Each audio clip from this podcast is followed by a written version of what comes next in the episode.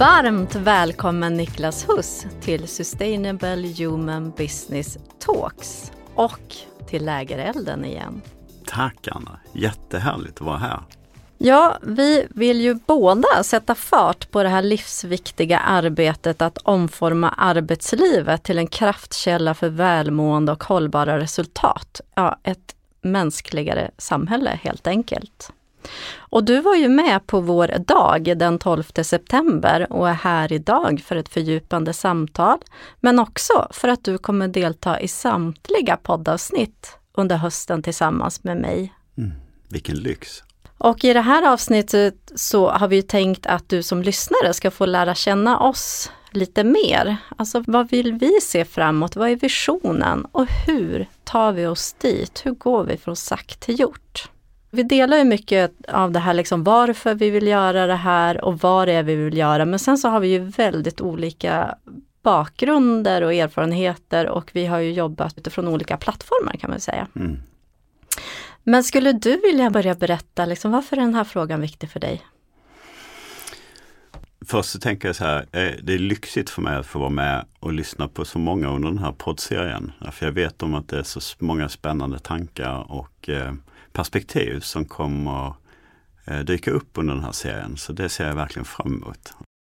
Min resa började med att jag någonstans eh, på gymnasiet i Kristianstad så var jag och några kompisar på väg att starta ett parti. Mm -hmm. Det visste jag inte. För vi ville påverka ungdomarnas röst i samhället. Okay. Men i, i, den så såg vi att det var så mycket formell struktur och formalia så vi gav upp i, i att starta ett parti.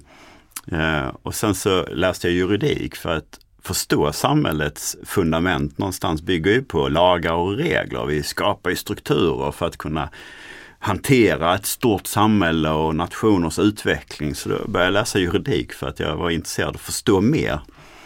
Men i grund och botten handlar det om människan. Mm. Och människans förmågor att interagera med andra och vara kreativ och samarbeta. Och hur det är direkt kopplat till hur människan själv mår.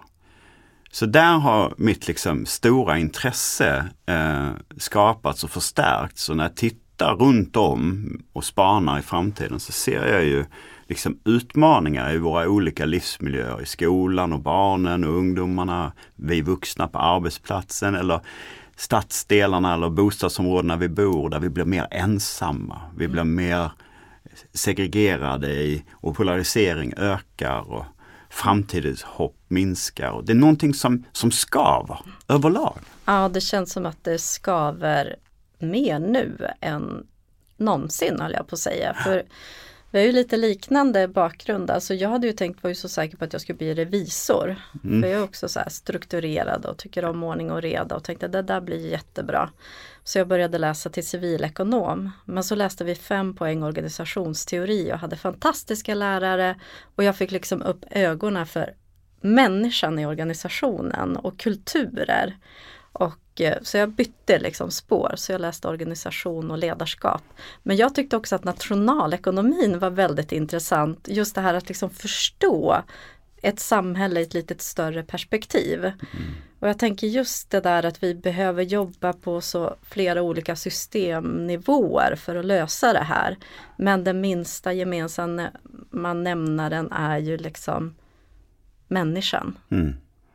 Men vad är det du har jobbat med tidigare fram till nu? För du, du jobbar ju inte som jurist, det kan man ju inte säga. Nej, det, det gör jag inte. Jag började när jag började jobba på Skatteverket 2000 så var jag jurist och gick den här aspiranttrappan. Men där blev jag ganska snabbt intresserad av att göra skillnad. För jag tyckte sättet som strukturerna som man styrde eh, den eh, myndigheten kändes helt fel. När man såg dig och mig som bovar och banditer och vi fick inte hjälpa och stötta. Och, jag hade ju växt upp med min mamma och pappa som ockuperade matbordet i en månad eh, innan deklarationstider för att göra rätt. Liksom.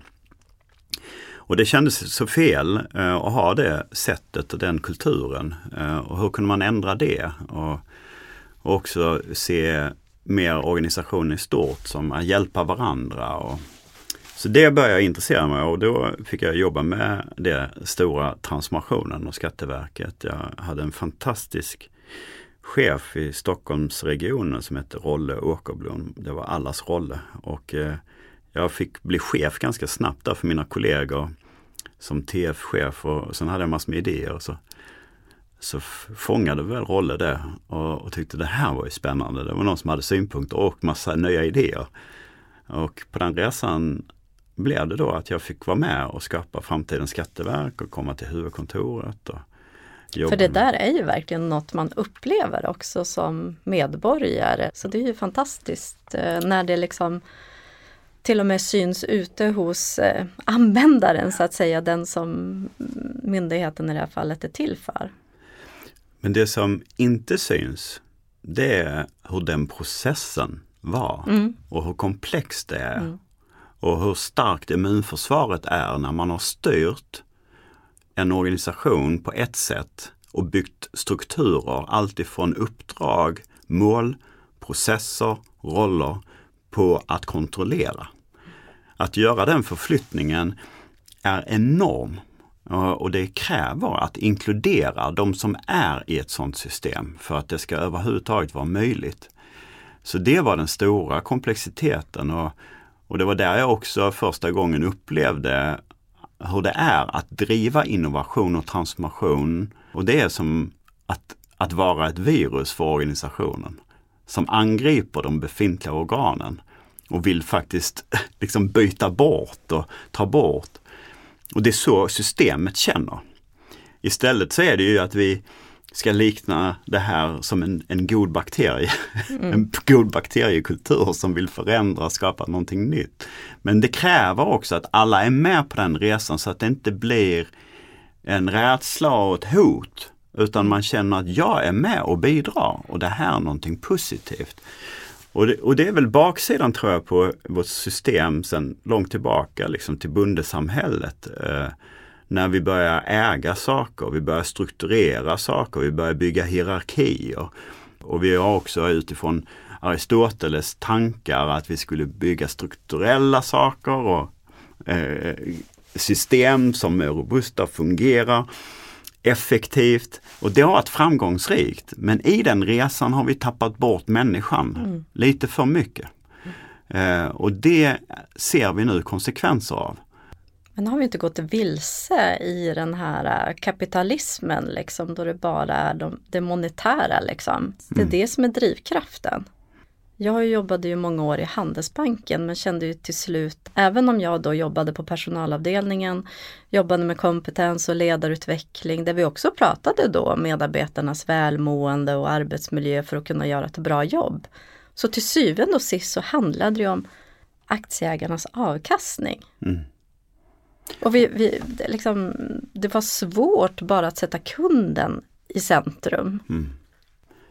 Men jag tänker de bolagen som fokuserar på sina medarbetare och skapar en kultur där man känner gemenskap, där man har öppenhet och känner sig inkluderade i besluten, att uh, vara med och påverka. Vart ska vi? Vad är det som skaver i organisationen som gör att vi inte riktigt fungerar fullt ut så bra som vi skulle kunna? De skulle ju vara mycket mer lönsamma och effektiva i slutändan. Men idag är det så mycket fokus på hur kan vi digitalisera den processen? Hur eh, byter vi bort några människor till att vi automatiserar och trycker in ChatGPT i processerna? Mm. Eller? eller effektiviserar hemtjänsten, hur länge de äldre får duscha till exempel och hur ofta man ska göra olika saker. Då har man ju liksom, det handlar bara om effektivitet och pengar. Det du, när du lyfter omsorg, det är ett jättebra område och verkligen visa på konsekvenserna. För Många som behöver omsorg idag är ju äldre som kanske till och med är ensamma för deras partner har gått bort. Och så ser vi att vi inte har vårdplatser. Vi eh, skapar då förutsättningar för de äldre att vara kvar hemma. Eh, Jag tänker det är jättebra, sin egen miljö och du får vara hemma. Men det som händer blir att man blir mer och mer ensam. Mm. Och, och, så ska man ha teknik som hanterar att du ska kunna bli vårdad hemma. Och så ska man bygga upp det, men då har man en aktör som är kommunen som agerar med omsorg. Sen är det någon som är regionen som har sjukvård. Men de där har olika tekniska förutsättningar och så blir det ändå pannkaka. Och I det så tappar vi bort liksom den det handlar om och vad egentligen den personen behöver. Och jag tänker, hade man haft fokus på verkligen den äldre och inte processerna och strukturerna så kanske vi hade funderat på vården kanske ska vara som en infrastruktur som möjliggör för dig och mig som barn till någon, våra föräldrar att kunna vara närvarande och checka av och komma in i systemet eller som grannar. Att äldre kan hjälpa varandra och i det hitta gemenskap och hitta vänner och än att det är alltid vårdpersonal som gör allting. Mm. Ibland blir vi förblindade i teknik och processer och så glömmer vi bort vad vi egentligen kan göra på ett annorlunda sätt. Mm. Och om vi ska kunna göra de snabba omställningarna som krävs och hitta lösningar så är samverkan A och O. Och mm. också bygga en kultur där jag kan ha mod och kreativitet och, och är närvarande, inlyssnande och känner engagemang. Mm. Det... Ja, men, och det är ju precis, jag delar ju det fullt ut förstås. Alltså att man måste involvera människan, alltså mm. medarbetaren i det här. För jag kan bara gå tillbaks och titta, jag började jobba på bankkontor och började också liksom titta på mina kollegor som individer.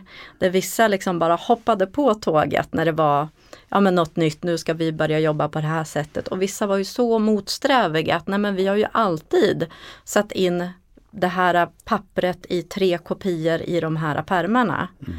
Och det är ju också så olika för människor i en förändringsprocess. Eh, och det är ju det vi behöver, tänker jag, byta de här glasögonen från mm. det här liksom mekaniska synen på en organisation till att se att en organisation är ett levande system. Den tuffa utmaningen är att förändra ett beteende. Mm.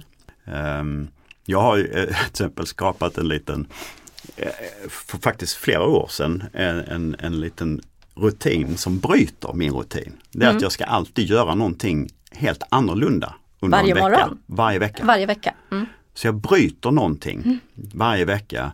För att annars är risken att varje vecka kopieras och blir likadan och när jag tittar tillbaka så kommer jag ha reducerat mitt liv väldigt mycket för mm. att hjärnan ser inte hur mycket jag har varit med om därför det ser likadant ut. Mm på måndag jag gick till jobbet och så jag åkte samma väg och jag gjorde ungefär samma möten. Och så helt plötsligt har jag kopierat och så blir det mycket mer reducerat. Men om jag bryter det och gör någonting så händer någonting. Mm. Då får jag en upplevelse. Mm. Jag träffar människor som jag kanske aldrig hade tänkt, eller jag kommer ju träffa någon. Mm. Eller uppleva något som jag inte skulle gjort om jag inte gjorde den där konstiga grejen som mm. bara mm. bryter ett mönster. Ja, för det... det är ju det som förändring handlar om. Det handlar om att bryta mönster. Så det gäller ju liksom att själv sätta sig i situationer men även som förändringsledare att regissera situationer där medarbetarna får liksom möjlighet att eh, tänka nytt, liksom få andra perspektiv. Precis. Och då tänker jag vi kan komma in lite för du har ju lämnat Skatteverket för ganska länge sedan nu. Ver verkligen. Mm. Och sen har du ju haft ett väldigt spännande projekt på slutet mm. här tycker jag, samverket. Mm. Kan inte du berätta lite om det? Jo, jag kan först säga, jag var ju innovationschef på Länsförsäkringar och, och där började, började födas lite sådana tankar och det var ju en ambition att flippa bransch till att inte sälja försäkring utan försäkra ett tryggt, friskt, skadefritt liv. Det vill säga proaktiva förebyggande tjänster som ser till att inte huset brinner ner eller att du inte krockar och är med om olyckor i trafiken eller vattenskador eller vad det nu kan vara. Eh, som du betalar när skadan redan inträffat. Och istället se till att du inte är med om det eller att du inte blir sjuk. Och det, det, det som allting bottnar i när man börjar titta på vad är det som påverkar oss och, och, och, vad är det vi måste göra då för att inte det ska inträffa? Så bottnar det mycket i spaningen, ja men det handlar om du och jag som människor. Därför när jag är stressad och jag är, inte sover bra, då ökar trafikolyckor. Jag kanske är distraherad, jag tittar på mobilen när jag kör eller jag nickar till och somnar. Eh, hur mycket orkar jag ta hand om mitt hus? När jag inte kan orka gå upp på morgonen eller riktigt ta hand om mig själv. Så mitt inre och, och mig har en direkt påverkan på antalet skador. Och tittar man på grannsamverkan ja men idag, vi är det mest sekulära och individualistiska samhället i världen. Vi har knappt inte eldsjälar kvar, men hur, om vi bygger en infrastruktur som får människor att mötas och hjälpa varandra och det är framtidens grannsamverkan, när vi kanske byter saker med varandra mm. och hjälper varandra mm. med tjänster och hittar hundgrupper tillsammans så mm. bygger vi gemenskap. Så olika sätt. Jag känner att jag blir glad när du pratar sådär. Liksom. Jag känner hur leendet bara kommer. Vilket fantastisk bild av ett samhälle som inte finns idag. Och tänk vad härligt att kunna vara ett försäkringsbolag och jobba på ett försäkringsbolag och erbjuda de tjänsterna. Mm. Och det blir till och med i slutändan billigare mm. Och, och, effektivare mm. och mer värdeskapande och till och med påverka hållbarheten stort. Men i det så försökte jag också bygga innovation på ett nytt sätt. Så jag hade ingen innovationsavdelning, jag hade inte ett innovationsbolag X utan jag byggde en arena för alla att vara på. Både de internt från de olika länsbolagen och olika affärsdelarna men också från kunder och partners som man behövde samarbeta med då. Mm. Och de tankarna tog jag med mig i det här stora projektet som är ett Vinnova-finansierat projekt som jag jobbat med tillsammans med Jenny och Maria från Östersund där vi tittade på hur bygger vi en neutral jämlik plats utifrån tredje platsen filosofin. Där, som du själv väljer att gå till och där du träffar nya människor, får nya perspektiv. Som en arena för Sverige. En plats, en arbetsplats där ämnet och diskussionen är i centrum. Mm. Där inte din roll och titel spelar någon roll, därför den existerar inte på de här platserna. Så här möts vi jämlikt, oavsett om du är generaldirektör eller utvecklingschef eller AI-expert eller omsorgspersonal, kan vi mötas och diskuteras över gränser i hela offentlig sektor. Mm. Kring de utmaningarna, kring de behoven vi ser. Om det är samhällsutmaningar i stort, som idag hamnar i mellanrummet mellan uppdragen. Eller om det är bara, hur kan vi bli bättre på att möta medborgaren? Vad har ni gjort? Vad kan vi lära av varandra? Den platsen designade vi med ett helt nytt koncept. Där allting baserades på, hur bygger vi psykologisk trygghet här? Mm. Hur bygger vi en community där vi känner att vi längtar att komma dit för jag är nyfiken på vem jag får träffa idag och vad jag kommer att lära mig idag. Och den platsen var som en tredje plats där du är kanske en dag i veckan eller några timmar på måndagen, någon på fredagen. Men sen tar du dig hem till din egen plats. Mm. Och jag tror att alla de komponenterna som vi utvecklade och vad vi såg, de behövs också in i stora organisationer. Så mm. vi skapar en attraktionskraft att komma till jobbet. Det handlar inte om piska och morot. Nej. Debatten är helt fel, det handlar om att skapa passion, mm. värde. Mm. Om man skapar det så kommer människan att vilja komma till jobbet. Därför du lär dig någonting, du känner tillhörighet, gemenskap. Jag vill inte sitta hemma själv då hela tiden. Vi måste ju måla upp den här bilden av den här liksom katedralen som vi bygger tillsammans i en organisation. Eller vi var inne tidigare, liksom vården om äldre där vi både har regionen och kommunen som eh, huvudmän. Alltså hur kan de börja se den här gemensamma katedralen? Eh, jag slutade ju jobba i Handelsbanken för 15 år sedan nu och liksom jobbat som konsult sedan dess och har verkligen jobbat utifrån att vända den här synen. Och då tänker jag att en sån viktig sak är ju den här gemensamma bilden av uppdraget. Mm. Varför finns vi här? Mm. Och det du beskriver med samverket, det går ju att applicera i en organisation. Verkligen. Hur kan vi mötas över HR, IT, ekonomi, kundsupport, säljarna, eh, alla liksom funktioner som finns i en organisation. Så det där går ju att applicera på alla. Mm. Så jag tänker att just den här eh, platsen, tilliten, samtalet om, om uppdraget. Vad behöver vi göra för att ta oss dit liksom? Egentligen är det inte så svårt men ändå jag, jag tror vi gör det lite för komplext. Vi fastnar i det befintliga systemet, det förvaltande som vi gör och det erbjudandet vi redan har. Mm. Men människor behöver ta sig ur det för att mötas mer fritt. Och då, kan man, då kommer vi hitta massa synergier emellan i sin egen organisation och med andra mm. som hittar de här nya typerna av lösningar som är ännu mer värdeskapande för sina kunder eller medborgare. Och en stor förvaltning till exempel som kommunen, att hitta synergier mellan omsorg och äldre och yngre och skolan. Där finns massor av insatser man kan göra som får effekt på bägges på samma gång. Mm. Eh, och då blir man mer effektiv om man hushållar också eh, de ekonomiska resurserna. Mm. Men jag vill bara komma tillbaka till, vi hade fyra följeforskare i det här projektet. Mm. Som tittade på vilken påverkan det har på människor och, och effekterna av.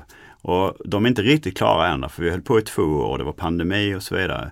Men en av effekterna var att man kunde se ett signifikant eh, samband med innovationsförmågan, innovationskraften kopplat till de här miljöerna och sättet mm. som vi hade byggt kultur och arbetsmiljön och, och, och, och communityn och, och metoderna och processerna runt omkring.